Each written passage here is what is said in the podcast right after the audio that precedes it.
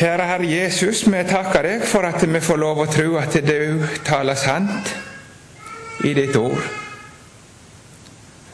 Og du veit hva vi trenger. Vi veit det mange ganger ikke sjøl. Men du veit hva vi trenger, alle sammen. Og så har du sagt at vi skal få lov å be deg om Din hellige ånd, og du gjør villig. Du vil ikke nekte oss Din hellige ånd og vi ber om den at Han må åpne ordet ditt, så vi får se og høre. Jeg ber om det for min del og for oss som sitter, at vi kan få hjelp i vår sjelesak. Den hjelp du ser vi trenger nå. Amen.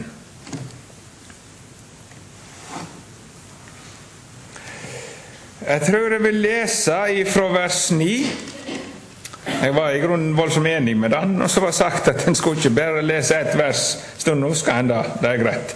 Men at det er godt å få lese litt i sammenheng. For der er det gitt av Gud i en sammenheng. Men nå kan ikke jeg si noe om alt, selvfølgelig. Og gjerne eh, Men dette får vi se. Vi leser fra vers 9 i Romerbrevet 3. Hva da? Har vi noen føremål? Nei, slett ikke. Vi har da klaga både jøder og grekere for at de alle er under synd. Som det står skrevet, det finst ikke én rettferdig, ikke en eneste. Det finst ikke én som er vetig. Det finst ikke én som søker Gud. Alle har veket av. Alle er blitt dugløse.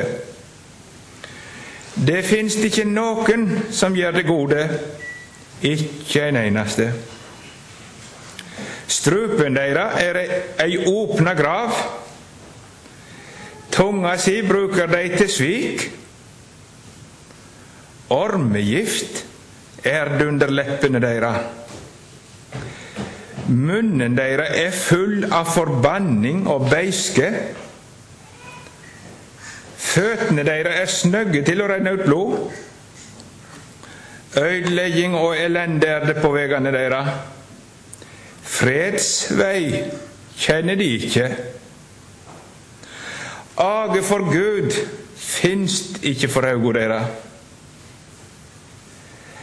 Men vi veit at alt det lova sier, det taler til dei som er under lova, så kvar munn skal verta attlaten, og heile verda verta skuldig for Gud. Difor vert ikkje kjøt rettferdiggjort for han ved lovgjerninga, for ved lova kjem en til å kjenne synda. Men nå har Guds rettferd, som lov og profetene vitner om, blitt åpenbæra uten lov. Det er Guds rettferd ved tro på Jesus Kristus til alle og over alle som tror. For det er ingen skilnad. Alle har synda og står uten ære for Gud. Og de blir rettferdiggjorte ufortjent av Hans nåde ved utløysinga i Kristus Jesus. Han stilte Gud fram i blodet hans som en nådestol ved trua, for å syne fram si rettferd, siden han i sitt langmod hadde båret over med de syndene som før var gjort. Ved dette ville Gud syne si rettferd i den tida som nå er, så han kunne være rettferdig og rettferdiggjøre den som har trua på Jesus. Hva er så vår ros? Den er utestengt. Etter hva lov? Gjerningslova? Nei, etter lov om trua. For vi er overtydde om at mennesket blir rettferdiggjort ved tru, uten lovgjerninga.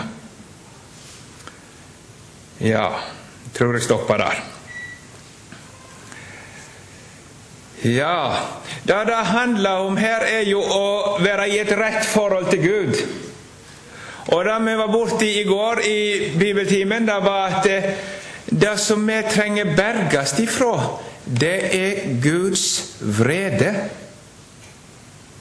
Guds vrede er opptent av synda. Og Guds vrede ligger over hvert et syndig menneske. Jeg har vært i to begravelser, visstnok i år. Og begge gangene så tenkte jeg på en sang. Den står i sangboka 471, tror jeg. Synden meg trykker natt og dag, ofte den trykker meg såre. Når jeg betenker den store sak, snart skal jeg legges på båret.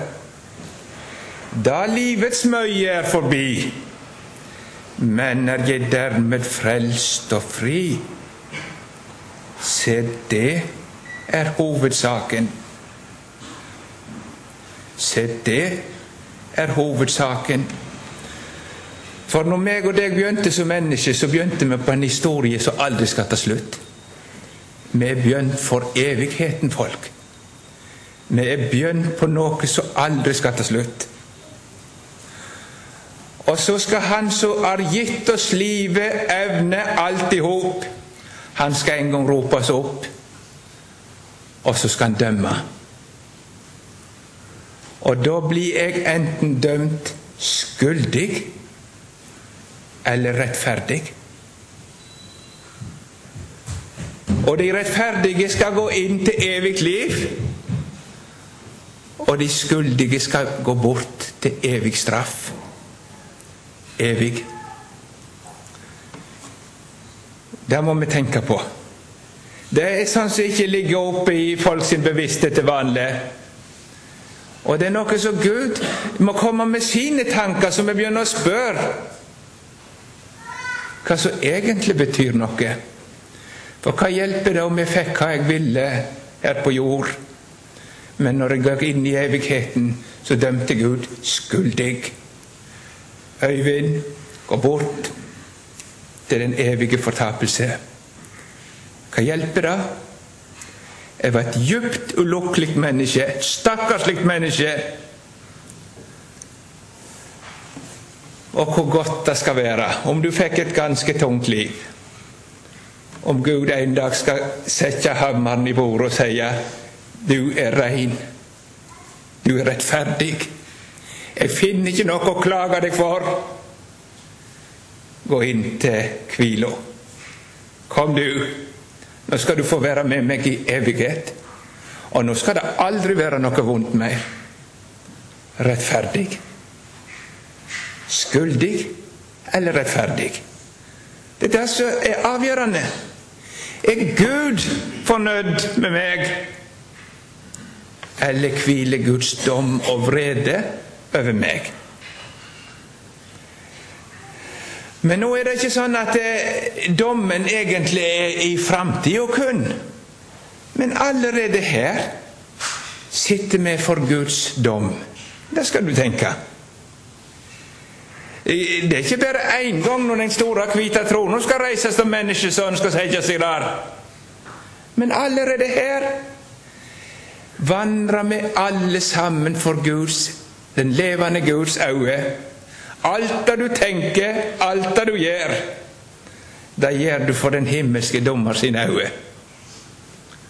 Og alt her, i denne sal og i dette sekund, så er du enten skyldig eller rettferdig for Gud. Enten er Gud fornøyd med deg, da er du rettferdig eller rettferdiggjort. For det ordet kommer akkurat ifra domstolen.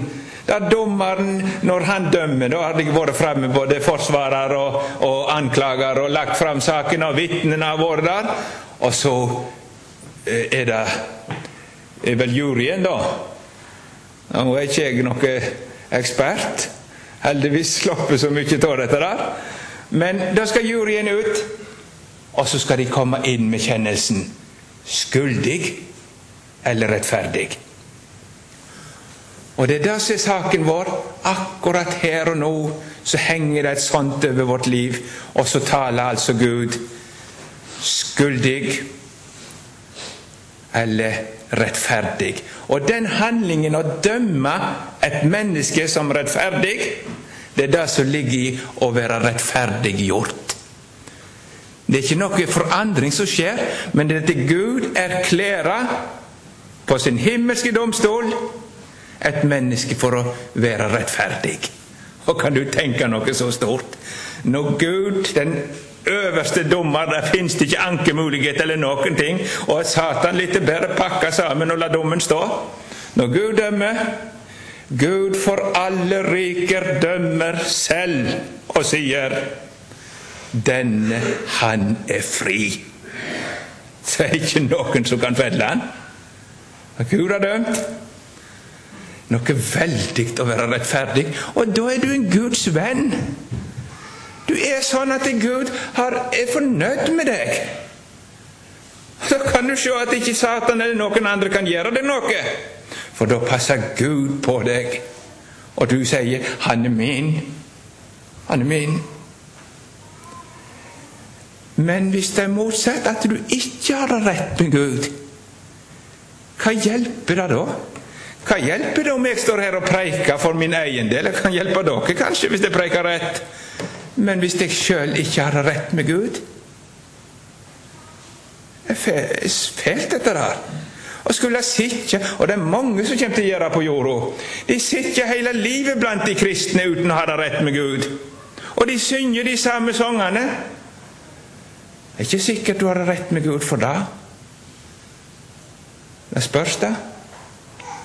Men nå er det altså sånn at Gud vil med sitt ord ordne opp i den sak for oss. Og Gud gi det at han kunne. Nå må vi jo spørre litt mer, da. Hva vil det si å være rettferdig for Gud? Vi vet jo, kanskje bruker det bildet fortsatt, at eh, hva vil det si å være rettferdig i norsk rett? Ja, Da eh, prøver de det du har vært med på eller gjort, og så finner de at det, det stemmer med landet sine lover. Han kan ikke anklages. Dette hadde han lov til. Det var ikke skjedd noe gale. Da er det ikke noen domstol som kan felle deg. For da var du i pakt med lovene. Og Derfor er det det står så mye om loven her. Guds lov. Og Nå må vi jo huske da, det som leser, at ordet 'loven' blir brukt litt på forskjellig vis i Bibelen.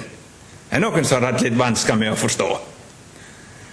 Stundom blir ordet 'lov' brukt om hele Gamle testamentet.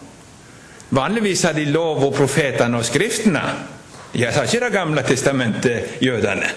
Men de sa lov og profetene og skriftene. Men, men det ble jo litt drygt, da. Så vi sier GT, og de sa lova. Ah, gamle testamentet. Ikke en eneste prikk i lova skal få gå. Da mener Jesus Gamle testamentet. Alt skal stå. Men så er det snakk om Moselova. Moselova. Og Moselova inneholder mange ting. Der står det hva jødene skulle straffe en med som lot stuten sin gå løs og stange et menneske. Ja da. Og der står det hvor mye de skulle gi i tiend, og hvor ofte de skulle reise til Jerusalem. Det er mange ting. Og vi reiser jo ikke til Jerusalem, og så sier folk det bryr dere ikke om hva som står i Bibelen. Der står det Nei, de tar feil. For det er ikke alt som vi skal helle i Moseloven. Noe har aldri vært for hedningefolka, vi hører til hedningene, og noe var bare fritid for jødene. For i Moselova så har en både eh, straffelova til jødiske folket. Der har vi norsk lov. Og så sant ikke norsk lov kriger med Guds bud og klare vilje, så skal vi følge norsk lov. Da vil Gud og om de har urettferdig skattesystem. Det er ikke vår sak å overprøve det. Vi skal betale skatt uansett. Så skal vi følge norsk lov, men da skal vi ikke følge jødiske lover. Nei. Så jødiske straffelover, den er ikke for oss. Og ikke offerlova heller, for offerlova var forbildet fram til virkeligheten kom. Jesus det var et forbilde på hans rike, Bukkene som skulle ofres, var bildet på Jesus som skulle ofres. Og takkofferet som var frambildet, det var et forbilde på at vi skal ofre oss sjøl som takk for Jesus frelste oss. Det skal vi ikke drive på med. Men så er det noe som står igjen, og det er det som vi gjerne kaller for moralloven. Som vi finner i det dobbelte kjærlighetsbudet og i de ti bud, åndelig forstått. Det er Guds vilje med oss mennesker. Når Gud skapte oss mennesker, så ville han at vi skulle være i samsvar med Hans vesen. Gud er god, så ville han vi skulle være gode. Og det har Gud aldri tenkt å forandre på. Gud vil ikke godta vondskap. Gud vil ikke godta avgudsdyrking. Gud vil ikke godta løgn. Og der har Gud vist hvordan han krever av menneskene at de skal være i samsvar med hans vesen. Og det er så alvorlig at det stemmer ikke med overens med Gud. Så knuser han oss i fortapelsen. For han kan ikke tåle det. Han måtte bli en djevel, skulle han tåle det. Og det kan han ikke. Gud kan ikke godta vondskapen og synda.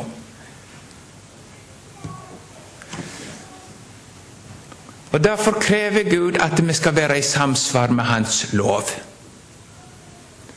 Ellers så dømmer Han oss skyldige. Vi skal være sånn som Gud krever i sine bud, alle sammen. Og Der krever Gud for det første, og det første budet, og det kunne vi brukt all tida på, for det er én. Gud krever du skal ikke ha andre guder foruten meg. Med andre ord Gud krever å få være mitt hjerte sin Gud. Han krever å få være min Herre. Den jeg stoler på, den jeg bøyer meg for, den jeg frykter mest, den jeg elsker mest. Det krever Gud. Og sånn må du være, ellers så blir du dømt skyldig så er det viktigere for deg hva du sjøl mener, enn hva Gud mener. Så bryter du Guds bud. Hvis du stoler mer på at det er i orden med deg og din Gud når du har gjort det skikkelig, så dyrker du avguder. For du stoler ikke på Gud alene, men du stoler på deg sjøl. Den kan jeg tenke litt på. Den fineste form for avgudsdyrking, det er å leve et veldig fint liv, og så stoler jeg på det. Det var jo godt at jeg levde et fint liv, men det var ikke meningen jeg skulle ta det livet og gjøre det til en avgud. Og så tilba jeg mine henders verk og ba til gjerningene mine og sa det må hjelpe meg inn i himmelen og skal framfor Gud. Da hadde jeg gjort hendene mine sine gjerninger til en avgud. Og det er avskyelig for Gud. Du skulle stole på meg, og du stoler på deg sjøl. Du gir deg sjøl til Gud og vil være Gud. Så det, det å være egenrettferdig, det er stygg avgudsdyrking. Forferdelig avgudsdyrking. For da tilber en sine henders verk. Det er det som heter avgudsdyrking i Gamle testamentet, nemlig. Ja, så da kan vi prøve oss sjøl. Hvordan er det med meg? Er det Gud som er det kjæreste for meg? Og Nå er det sikkert ikke alltid så lett å få greie på det, og derfor kan det være verdt å gå videre, f.eks. til det tredje budet. Nå er det i sin ytre form ikke medbudet til sabbaten, sånn som jødene. Den var for jødene. Så Vi skal ikke til å feire sabbat eller bli sjuendedagsadventist eller hva det heter for noe. Nei, vi er så fritt sånn. Men likevel har Gud skapt oss som mennesker at vi skal speile Gud, og Gud hvilte den sjuende dagen. Og vi som mennesker trenger hvile den sjuende dagen, en dag i uka. Etter oppstandelsen så har de brukt søndagen til dette, de kristne. Etter hvert som de ble kasta ut av synagogen, og sånn, så ble det den dagen som ble gudstjenestedagen. Det er så. Men la ikke meg skusle det helt vekk. Men, men, Gud har omsorg for dere, kan dere tro. Han vet at det er ikke noen maskiner. Og det er ikke tenkt å trelle i evighet. Derfor skal det få en forsmak på hvile. Kjem hjem til Gud, skal det bli hvile. Men den hvila skal være innbygd til Gud. Du skal helle hviledagen heilag. Og mange som er så glad i hviledagen, og da har de rett i for de er slitne, vet du. Jeg jeg er, så glad at jeg kunne nesten ha to søndager stunder når søndagen kommer. Altså, det er så skrekkelig av og til. Jeg gleder meg til søndagen. Men det er ikke det at du bare skal hvile.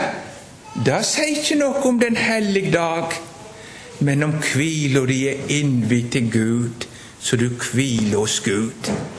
Og det gjør du først og fremst når du setter deg ned, og Han får arbeide med deg med sitt ord.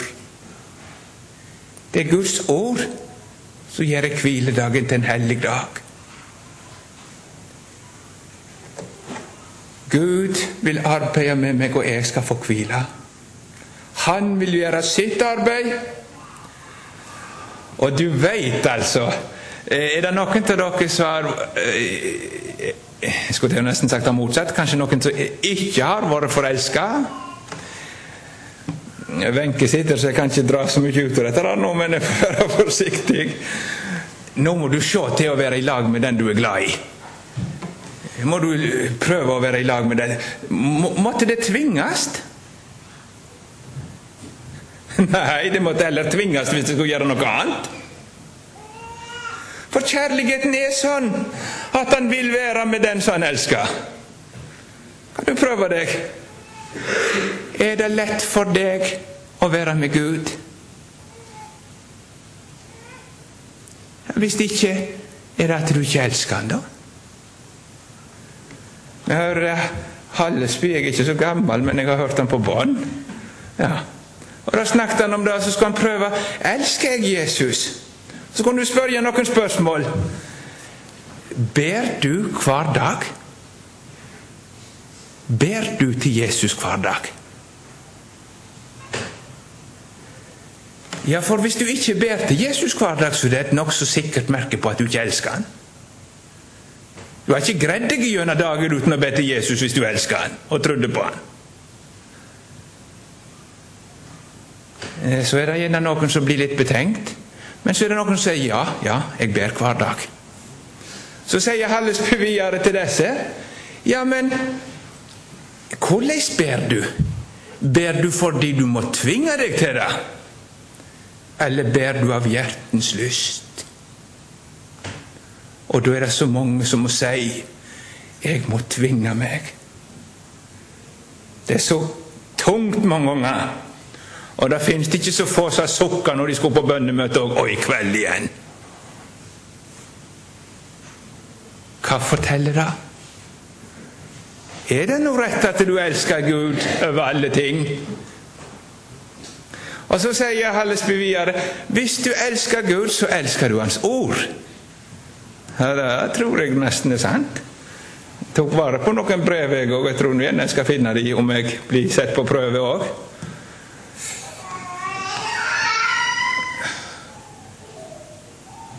Leser du hver dag i Bibelen?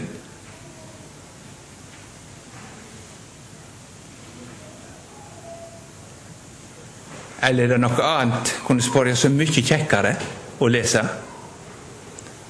Og du som leser hver dag, leser du fordi du må tvinge deg til det? Eller leser du fordi du er glad i Hans ord? Og da kan det være at det blir nokså trangt. Å, jeg kjenner jeg har ikke lyst. Kan det være at jeg ikke elsker Gud? Det er ikke det kjæreste for meg å være med Gud. Jeg kjenner uvilje mot det, for jeg vil gjøre det jeg har lyst til. Og det er noe annet. Det er noe annet. Og så kunne en fortsette med forholdet til nesten. Du vet, Hvis ikke forholdet til Gud er rett, så blir ingenting rett. Når ikke rota er rette slaget, så blir treet gale uansett, altså. Og Slik blir det med gjerningene òg. Det som ikke kommer fra samfunn med Gud, det blir aldri rett. Og Derfor har Luther så rett når han forklarer budene. Så forklarer han det ikke Når du skal ikke slå i hjel, så sier han ikke du skal ikke slå i hjel, men du skal frykte og elske Gud, så vi ikke Hvis du lar være å slå i hjel av andre grunner, så er det ikke å oppfylle Guds bud. Men en kunne gått på eh, Og det er så mange merkelige ting. Vi har jo fått noe veldig stort med som mennesker. Vi kan snakke sammen. Det, jeg tror de fleste klarer det. Og særlig Ja, det kan jo være tider det er tause òg. Eh, det var eh, noen som lekte møte, og det var unger. Og så plutselig så ble det så aldeles stilt. De hadde sunget, og de hadde talt. Og så ble det så aldeles stilt. Og så bøyer de eh, hodet inn i stua og skal se. Ja, hva er det nå som skjer? Vi har vitnemøte, sa de. Vi har vitnemøte. Ja da, det er ikke alltid det er så mye ord. Men ellers har vi fått en voldsom gave til å tale eh, og snakke sammen. Hvordan bruker vi den gava? Mange ganger så bruker vi den til å ødelegge hverandre. Å, hvor mye stygt jeg har sagt. I stedet for å hjelpe mine medmennesker, så hører vi kanskje etter noe som har gått galt med et menneske, og så snakker vi om det. Forteller det videre. Det er så mange ganger det er lettest å få praten i gang når en kan snakke om noe som skjedde med andre. Og det er ikke for å gjøre de så veldig godt så viser det seg at vi har ikke den rette kjærligheten. Ja, så djevelske kan vi være at jeg kjenner det gjør vondt når andre får noe godt. Ungene vet om. Når annen, en annen får en stor presang, så er det noen som blir sure. Jeg kunne ikke like glede seg over den som var så heldig? Nei, ville hatt det sjøl. Jeg fikk ingenting. Og til og med så gale kan det være at det er predikanter og nå burde jeg ikke snakke om noen andre. Det hender jeg hører noen skryte til en predikant. Og jeg får nå mange ganger lov å være både enig og glede jeg skal nå ikke gjøre det verre enn det. Men jammen har jeg kjent noe annet en stund nå. Jeg hadde lyst til å høre noe om meg sjøl.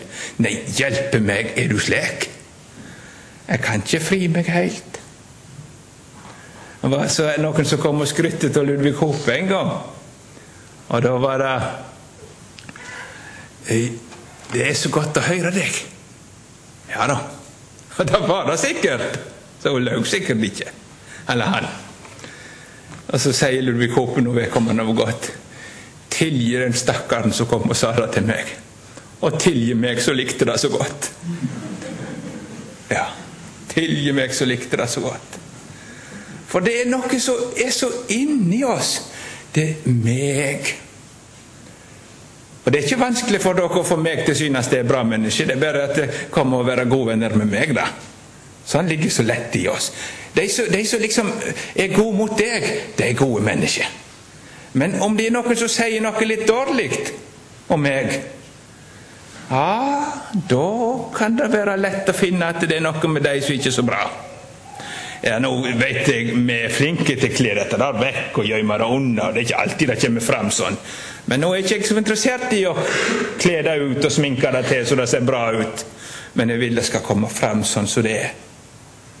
Det er noe i oss som vil tilbe en eneste Gud meg sjøl.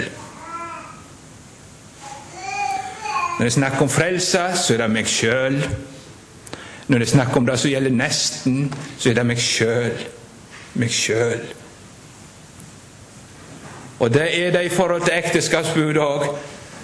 Det ureine blikket som går over til et annet menneske.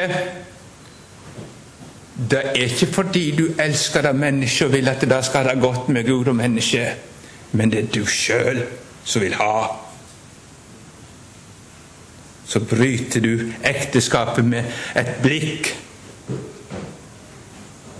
med en tanke og så står du skyldig for Gud. Og da kan du forstå med slik sekk her inne, så er det ikke så lett å leve med Gud. For Gud er sånn som Budo sier han, i sitt vesen. Ja, nå er det ikke alle som har problemer med dette. Det er det slett ikke. For, for synda, ser du, det en forferdelig makt. Men for de fleste så er det som en sovende slagbjørn. Bjørnen sover, bjørnen sover. Ikke sant? Han er ikke farlig, bare han går varlig. Og så ligger synda der inne. Jeg merker henne ikke engang. For hun søv. Hun søv. Og da kunne en tro menneskene var gode. Det er jo det folk går rundt og tror. Og på bunnen er de gode. Men skal Gud få fram det som han ser, så må synda vekkjast. Bjøden må vekkjast. Og det er det Guds lov som skal gjøre. Guds lov er gitt for å vekke det som bor i oss, så vi ser hva det er. Det er ikke Guds lov som er skyld i det. Synda er syndig og vond ifra bunnen og ifra djevelen. Men vi merker det ikke nå så lenge vi sover. Men når budet kommer, og det må det, så våkner synda. Når du begynner å kjempe for virkelig å bli rein i tankene, og ikke bare bryr deg om det ytre, men begynner å se på det innerste så skal du merke noe. Til mer du kjemper mot det stygge, til sterkere blir det. Og til og med når du tar deg mest sammen, så viser det seg at midt i den kampen så søkte du deg sjøl òg. Da begynner bjørnen å våkne, og da viser han seg å være veldig farlig. Da budet kom, står det i Romerbrevet 7, kom det liv i synda. Oh, det som skulle være meg til liv, disse fine ordene om hvordan vi skal være, gode ord i Guds bud, hellige og rene som Gud sjøl, de makter ingenting med meg. Det er gammel, De gamle bildene de brukte, det var en snekker. Det er noen som vil ha nye møbler, noen som vil ha gamle møbler, noen vil ha veldig gamle møbler. Men så har de noen gamle møbler, så er det ikke helt sånn som de skal så de vil ha de oppussa. Og så var det noen som kom med et svære møblement til den flinkeste snekkeren. Og han skulle begynne å ordne møblene til. Og så får de telefon etter litt. 'Du, disse møblene dine', sa Ja, ja, er de ferdige? Nei. Jeg begynte å skulle gjøre litt med de, og da ble det til mjøl. De var makketne tvers igjennom. Det hjelper ikke om snekkeren var så god. Materialet var ødelagt. Så det ble bare til mjøl. Og så måtte han gi opp hele prosjektet. Og det kom en god snekker som skulle prøve å få mennesket ut av oss. Det var Guds lov. Og Guds lov var en god snekker. Du kan se hva han gjorde når Jesus gikk under loven. Da gikk det et menneske og bare gjorde godt. Fullkomment. Så det er ingenting i veien med snekkeren. Men når han skulle prøve seg på oss, da gikk det gale. Hver gang han prøvde å gjøre noe med oss på alvor, så kom det fram at det råte materialet. Det blir ikke. Og så ble synda egga opp. Så det står beint fram i Bibelen Nå kan jeg tro jeg er en vranglærer, altså. Det står at krafta i synda er lova. Du lærer ikke å kjenne krafta i synda før du får med lova å gjøre. Når lova sier du skal elske Gud, du skal ikke begjære, så våkner begjæret så voldsomt og vil bryte imot. For da kommer det fram at du stikker imot Gud. Og når du prøver og virkelig vil, har lyst til å lese i Bibelen, så er det mange som har opplevd jeg har aldri hatt mindre lyst enn nå. Og når du går inn for å virkelig tenke på Gud i alt det du gjør, så merker du at du tenker nå slett ikke på Gud, men på meg sjøl. Og når du prøver å demme opp så du ikke skal ha lyst til en syndig tanke, Så før du visste ordet, så hadde du så lyst til at du skulle ønske Guds bud var aldri så langt vekke så du kunne få leve som du ville. Og til tider så tok du deg frihet da, kanskje. Kobla ut litt og glemme Gud, så du fikk fri. Hæ? Da er det ikke så lett, ser du, å skulle få det rett med Gud. Ja, men nå skal du høre. Det Gud har tenkt med å gi oss bud, og det er ikke at du skal bli rettferdig for Gud. Det er ikke at du skal bli sånn at Gud er fornøyd med deg, men at du skal bli skyldig for Gud. At du skal miste unnskyldningene med som håndrappe med mennesker vi kan forsvare oss. Eh, Ludvig Hope skriver en plass om 'mannen i bringa'. Da snakker han om samvittigheten mannen i bringa. Så han prøver å forsvare oss, ser du, og skal prøve å få oss fri. Men når Gud går inn på der inne, så begynner det å anklage. Og så anklage og finne feilene dine og syndene dine og likegyldigheten din og gudfiendtligheten din. Og til slutt så blir det så vanskelig å forsvare seg sjøl. Til slutt så greier jeg det ikke. Greier det ikke. Og Da går noen fortvila vekk og sier 'jeg har prøvd kristendom, det gikk ikke'. Det var et menneske som Øyvind Andersen møtte som var sånn. De sa om det mennesket det var helt forherda. Det er jo noe forskrekkelig som heter å være forherda. Og, og, så møtte Øyvind Andersen dette mennesket som de sa var forherda. Ja, hva var det med det mennesket? Jo, med en gang det var noe med Bibelen, så stakk det. Ikke ha noe med Bibelen å gjøre, og helst ikke med kristne å gjøre heller. Var de blitt så harde? Så sier Øyvind Andersen til det mennesket Guds ord må gjøre et voldsomt inntrykk på deg. Å, hvordan vet du det? Jo, du skyr det så det er noe du er livende redd. Hadde det vært likegyldig for deg, så hadde du ikke vært så redd. Men du skyr det så åpenlyst. Det er noe du reagerer kolossalt på. Han svarte ikke med det samme, så da sier Øyvind Andersen videre Og vet du hva jeg tror det kommer av? Du har prøvd å være en kristen, men det gikk ikke for deg. Og Da, var det så det løsna noe i denne karen, eller dama. Og så sier vedkommende Du er den første som har sagt noe sånt til meg. Ja, jeg har prøvd. Jeg har prøvd å være en kristen. Jeg har prøvd å overgi meg til Gud. Jeg har prøvd å be. Jeg har prøvd å være en bibelleser. Jeg har prøvd å ta saken på alvor. Jeg har prøvd å omvende meg. Men det gikk ikke for meg. Og nå har jeg gitt opp. Og ingen skal få meg inn i det slaveriet. går noen sånne stakkarer rundt om som har prøvd, tror de, å være kristne. Det gikk ikke. Hva sier Øyvind Andersen? Sier han, 'Du må prøve litt mer'. Hæ? Nei, vet du hva han sa? Da du har opplevd stemme med Bibelen. Stemmer det med Bibelen? Det kan jo ikke stemme med Bibelen at jeg skal det på den måten. Jo da, det stemmer, sa han. Og så leste han et ord. Det står i Johannes 6, 63. Der står det sånn Kjøtet gagner intet. Ja, kjøtet det er sånn som vi er ifra syndefallet. Mennesket med særlig vekt på vår falne natur.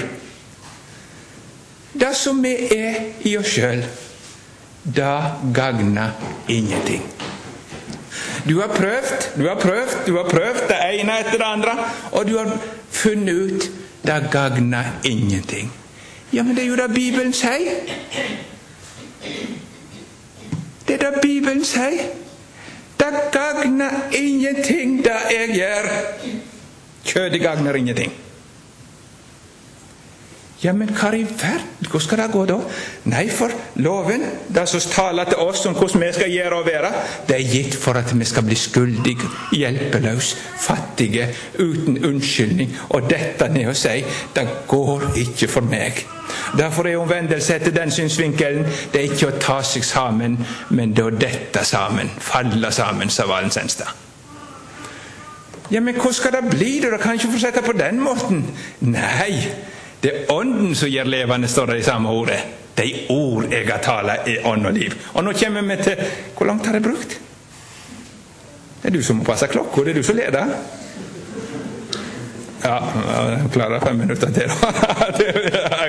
ja, slik er det. Det er godt tidlig på dagen. Den stakkaren som skal ta etterpå, han kommer til å bli sint på meg. Ja, ja. Sånn er det. Men nå har jeg rett for fra Gud. Nå kommer vi inn i en helt ny verden. Skal vi inn i evangeliets verden? Den helt Det er noe helt nytt som kommer. Og nå skal de høre alle de som ikke får til å være skikkelige og er skyldige for Gud og er betenkte hvordan det skal gå. Men nå er jeg rett for fra Gud. Nå er det ikke snakk om hva vi skal få til, ser du. Men nå er det snakk om noe som Gud har fått til. Nå har Gud ordna med hele den rettferdigheten vi trenger for å stå frelst på dommens dag. Der Han ordna for oss alle. Guds rettferd er åpenbæra uten lov. Her er det ingenting du skal få til. Her er det ingenting du skal klare.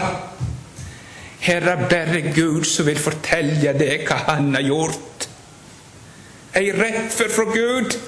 Nå må det komme inn i en annen verden og se hva som står ferdig og venter på oss. Ei fullkomment ordna gudforhold.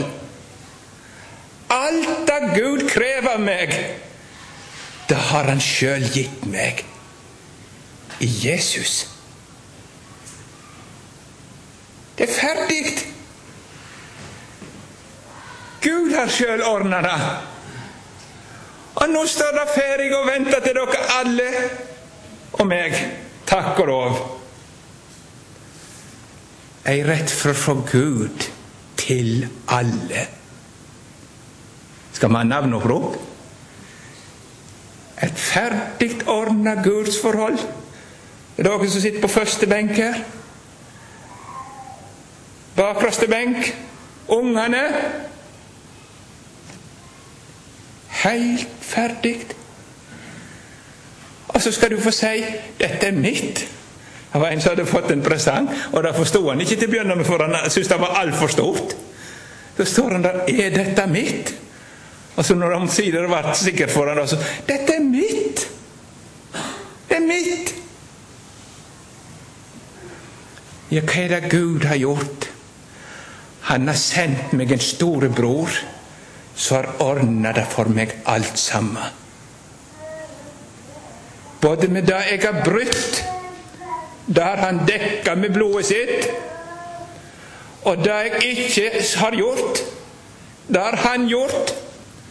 Og det jeg ikke elsker, det har han elska. Og min ulydighet har han dekka med sin lydighet. Vi Gikk Jesus her nede og var barn for meg. Jeg var ikke alltid skikkelig når jeg var barn. Vi hadde et godt forhold hjemme, men jeg var rett ikke alltid skikkelig. Jesus var skikkelig i Nasaret for meg. Så gikk det en ungdom der som var helt rein. Han gikk for meg. Det var mitt han gjorde. Og helt til døden fullkommen. Og så tar han av seg denne fine drakta. Denne skal henge og vente på Øyvind og alle disse andre som har bruk for å være reine for Gud og ikke kan. Skal de få det jeg har gjort. Og så tok Jesus ei skittendrakt på seg. Nå skal jeg være Øyvind og alt han har tenkt og gjort. Nå skal jeg være disse som er på Lyngmo, alt det de har tenkt og gjort. Nå skal jeg være ulydig for de ulydige og morder for morderne og horkar for horkarene og avgudsdyrker for avgudsdyrkerne. Nå skal jeg være den ene. Og så blir han skyldig. Og så blir han stilt fram i blodet sitt. Drept på korset under Guds dom og vrede. Og så taler det så sterkt ifra Golgata. Synda deres er utsletta. Gudsforholdet deres er ordna. Nå trenger de ikke gjøre noen ting. Skal de få lov å ta imot ei veldig gave til alle og over alle som tror. Og Gud velsigne dere så dere kan høre. Ja, men kjære Gud, mener du meg? Jeg som er så kald, jeg som ikke har lyst til å lese i Bibelen, jeg som, og kan sitte og nesten glede meg til å være ferdig. Til alle, står det. Og noen av navnelista får du ikke hos Gud. Nå kunne alle bli frelst. Alle sammen. Om den største synderen i Luster kom inn Han er igjen her inne. Kan være meg. Ja. Hvis den største synderen kom inn Gud ser det nemlig så annerledes enn oss. Så skulle vi sagt det samme. Alt er ordna og ferdig i Jesus. Til alle. Og så deles det ut. Jeg skal prøve å dele det ut skal komme nå med frihetsbrevet til dere. Etter deg, etter deg. Og så står det over alle som tror. De som setter sin lit til det. Tar sin tilflukt til Jesus, så får se det sånn at de forstår dette var noe for meg. De er kledd i denne drakta til Jesus. Og står rettferdige som Gud sier, 'Jeg finner ingen feil med deg'. Og så går du ut av hvit som snø, kledd i Jesus. Det fadersmil som tek all gru, det får jeg òg, for det fikk du. Min Gud, hvor selige. Og hvor godt det er å være rein. Hauge sa en gang det er godt å være godt kledd. Kledd i Guds rettferdighet. Ja, godt å være godt kledd. Det var dette jeg hadde lyst til å forkynne for dere. Jeg skal jo bruke tid på utlagt uttrykk for uttrykk, men jeg syns det er så godt å få forkynne det. Er det noen som har bruk for det? Du trenger ikke være gudfryktig i hjertet sånn som du tenker. Du trenger ikke få det inn i ditt hjerte sånn som du trenger. Det er for stort. Men du skal få lov å høre det som et menneske. Jesus har tatt saka for oss og ordna opp hele gudsforholdet. Og det som jeg trenger på dommens dag, det står ferdig smittest mulig. Og så sier han, det er til deg. Det er til deg. Grip kun til han gjerne vil være din med hva han eier, med sin død og seier. Det er til deg. Og så ville Herren så lenge at du ikke skulle si du er en løgner Gud. Jeg kan ikke høre på dette der. Men han sier 'Dette er noe for meg'. Jesus, er det mitt? Jesus, kan jeg få gå i denne drakta om dagene når jeg kjemper med meg sjøl og med det gamle, syndige mennesket? Kan jeg få være kledd i deg? Og du store Gud, dette er noe for meg.